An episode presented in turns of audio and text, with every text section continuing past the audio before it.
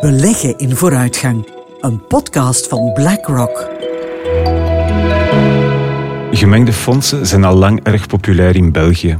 Traditioneel leveren ze een mooier rendement dan een spaarrekening en minder risico dan aandelen. Een van de belangrijkste trends voor investeerders in gemengde fondsen is duurzaamheid. Ik vraag aan Olivier Pauwels van BlackRock waarom. Maar eerst Olivier, wat zijn gemengde fondsen precies? Dag David. Gemengde fondsen zijn eigenlijk eenvoudigweg fondsen die meer dan één activa klasse gaan combineren. En typisch zien we dan ja, de combinatie van de, de twee meest gekende activa klassen aandelen met obligaties. De reden dat we die gaan combineren is eigenlijk ook redelijk eenvoudig, namelijk het op zoek gaan naar diversificatie. Zodoende als een van de twee activa klassen daalt, dat de andere een beetje de rol kan spelen als ballast, als tegengewicht om die daling op te vangen. We zien daarbij ook uiteraard dat gezien de, de lage rentestand het combineren van die twee activa klassen ook een, een positief effect kan hebben op het rendement. En uiteraard, ik heb er al naar verwezen, diversificatie, dus ook het spreiden van het risico. Er bestaan veel varianten van gemengde fondsen. Giets, giets ons even door het aanbod. Absoluut, ja. Zoals ik zei, je hebt de, de, de twee belangrijkste componenten zijn meestal aandelen en obligaties. Maar we zien daar ook een, een, een, evolutie in, in de zin van dat naast aandelen en obligaties er uiteraard ook cash kan toegevoegd worden aan die portefeuille, maar ook andere activa klassen. Denk daarbij bijvoorbeeld aan beursgenoteerd vastgoed of genoteerde alternatieve strategieën. Wat wil dat dan bijvoorbeeld zeggen? Dat zijn strategieën die op zoek gaan naar een rendement dat minder gecorreleerd is met de, de, de gangbare loop van de aandelen of de obligatiemarkten. Dit alles in de zoektocht naar betere diversificatie, betere spreiding, dus het beter beheer van het risico en natuurlijk ook het, uh, het rendement. Een andere evolutie of een andere vorm van gemengd uh, beleggen kan bijvoorbeeld ook zijn door het toevoegen van thematische beleggingsoplossingen in die, in die portefeuilles.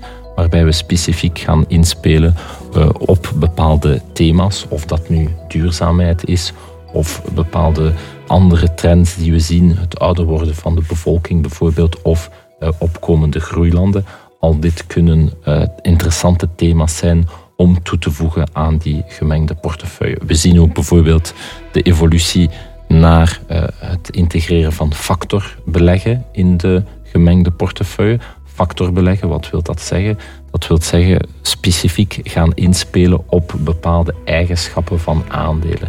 Denk daarbij bijvoorbeeld aan uh, minimum volatiliteit. Dat is een factor waarin je kan beleggen en daarbij investeren in bedrijven die een gemiddeld lagere volatiliteit hebben, dus een, een, een schommeling van hun koers die minder groot is dan de gemiddelde markt. Dat kan zin hebben in tijden van marktturbulentie, om dus je portefeuille meer te gaan oriënteren naar die minder volatiele bedrijven.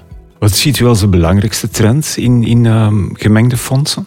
Ja, de, de belangrijkste trend uiteraard um, draait rond uh, duurzaamheid, waarbij meer en meer beleggers ook aan hun financieel adviseur proactief de vraag gaan stellen van wat is de, de impact van mijn uh, belegging op het milieu, op het klimaat? Of eerder omgekeerd, hoe kan ik ervoor zorgen dat mijn spaargeld of mijn investering positief bijdraagt aan de klimaatverandering of aan de oplossingen die nodig zijn om de klimaatverandering te gaan tegengaan.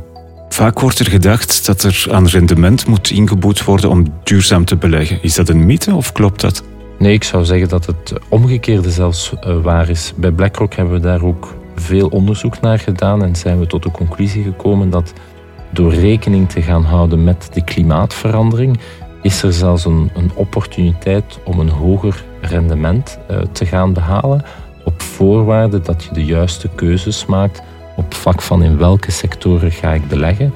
En dan denken we bijvoorbeeld aan de technologie sector, die beter bestand is tegen de fysieke gevolgen van de klimaatverandering en die ook deel is van de oplossing.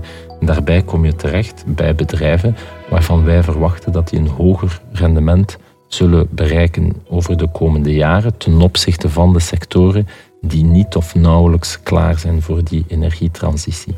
En hetzelfde geldt vanuit een uh, geografisch perspectief, waar daar ook ruimte is om een hoger rendement te gaan halen door te investeren in de regio's die beter of tenminste minder blootgesteld zijn aan de fysieke gevolgen van de klimaatverandering. Hoe houdt de investeerder daar rekening mee op vlak van zijn portefeuille? Moeten alle carbonintensieve activa zo snel mogelijk de deur uit? Of, of pleit u voor, voor een in de tijd gespreide aanpak? Ja, dat, dat is een zeer relevante vraag. Hè, want ja, netto nul tegen 2050, hè, dat is uiteindelijk de, de ambitie van het uh, klimaatakkoord van Parijs. Op zich betekent dat weinig gezien de tijdshorizon. 2050 lijkt toch voor zeer veel mensen nog uh, ver weg. Maar wat bedrijven en investeerders vandaag doen, en, en, en dit tot zeker 2025 tot 2030, zal bepalen van hoe 2050 er effectief zal uitzien. En daarom is het veel meer het traject naar netto nul waar we moeten gaan kijken. En aan de hand van de emissiegegevens, dus de koolstofuitstootgegevens, gegevens, kan een belegger een, een portefeuille op vandaag al samenstellen die potentieel emissieloos is. En dit door bepaalde sectoren met een grote uitstoot, zoals bijvoorbeeld de energiesector, te gaan uitsluiten. Maar het gevolg van botweg bedrijven te gaan uitsluiten op basis van hun koolstofuitstoot, ja, kom je in een situatie terecht die niet volledig in, in, in lijn ligt met de geest van de klimaatconferentie van uh, Parijs. Het is in onze ogen dan ook essentieel om een blootstelling aan die kritieke sectoren, want je kan het ook je kan het draaien of keren zoals je wil. De energiesector ja, is een kritieke sector. En de reden dat het volgens ons van belang is om die blootstelling te behouden, is dat dit ook de sectoren zijn met de grootste ruimte voor verandering en de meest vitale zijn ook voor het bereiken van die netto-nul wereld. Want om een wereldwijde koolstofarme economie tot stand te brengen, is het in onze ogen veel belangrijker om met die bedrijven in gesprek te gaan en hen net aan te moedigen plannen voor een koolstofarme economie op te stellen, uit te werken. En dit uiteraard zeker in klimaatsectoren met een grote impact. In plaats van hun gewoon simpelweg te gaan uitsluiten. Is de impact van de decarbonisatie dezelfde voor alle activa klassen? Of verschilt die per activa klasse? En ook, hoe, hoe deelt u die klassen op in aandelen en obligaties, maar ook in regio's en in ja. risicogevoeligheid? Zeer belangrijke vraag in, de context van gemengde beleggingsfondsen. Want als we naar koolstofemissies gewoon gaan kijken, dan zien we inderdaad dat er zeer grote verschillen zijn en dat eigenlijk geen enkele activa klasse eh, dezelfde is. Als we bijvoorbeeld gaan beginnen bijvoorbeeld door geografisch te gaan kijken, dan zien we dat opkomende landen typisch geassocieerd worden met hogere emissie-intensiteit qua koolstof dan ontwikkelde markten, dan de westerse wereld. Bedrijfsobligaties die hebben dan over het algemeen weer een hogere koolstofintensiteit dan aandelen. En voor staatsobligaties, ja, die worden nog op een ganz andere manier uh, bekeken gezien de, de, de specifieke uh, situatie van een, van een overheid en een land. Naar koolstofemissie kijken is volgens ons ook maar een, een deel van het beeld en, en dient dus inderdaad voor monitoring uh, doelstellingen. Wij pleiten eerder ook voor het gebruik van maatstaven die toekomstgericht gaan kijken naar bedrijven en hun koolstofuitstoot. Wat bedoelt u precies met die toekomstgerichte maatstaven? En hoe kan de investeerder die gebruiken? Wel, wereldwijd zien we een, een groeiend aantal bedrijven die communiceren over hun, hun koolstofuitstoot, maar ook over hun plannen om koolstofarm te gaan worden. En, en dit uiteraard in, in navolging van de, de ambities en de engagementen die overheden wereldwijd hebben genomen.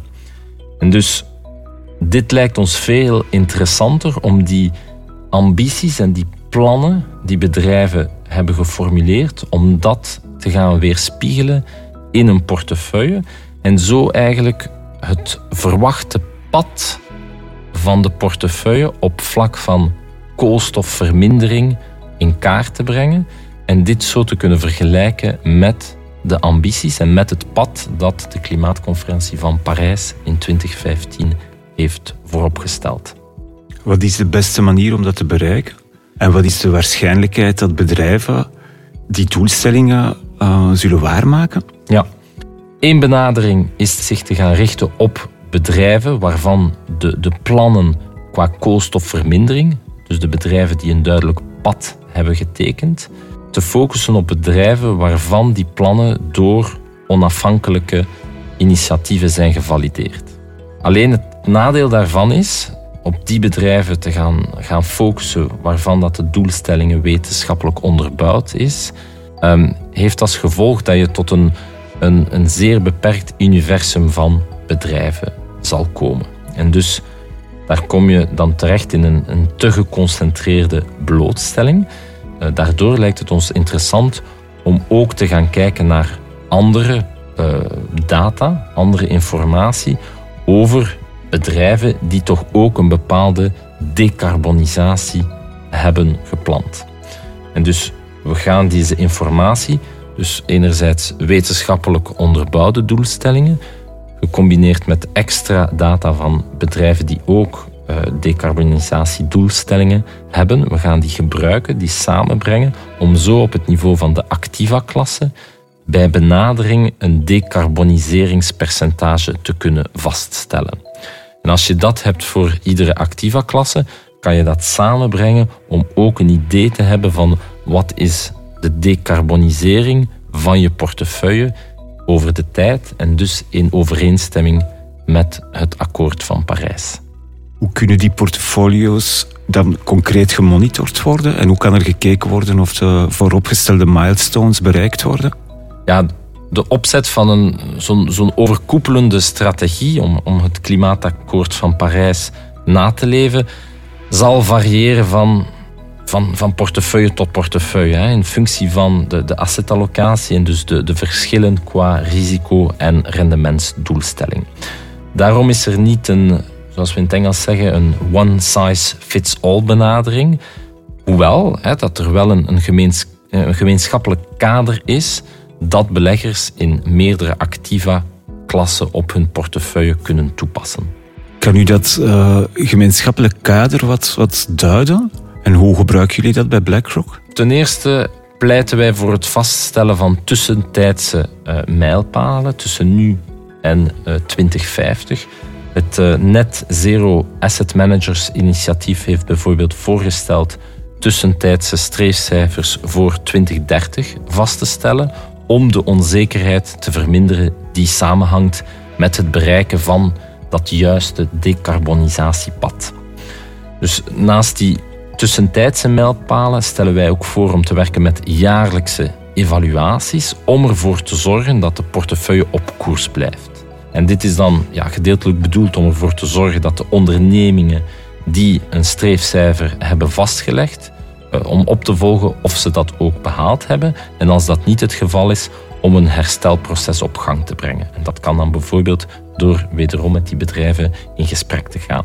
Het kan ook een gelegenheid zijn om te gaan nagaan of er nieuwe bedrijven zijn die een bepaald eh, streefcijfer hebben vastgesteld, aangezien dit het vertrouwen nog kan vergroten dat we dat decarboniseringspercentage als een geheel kunnen behalen.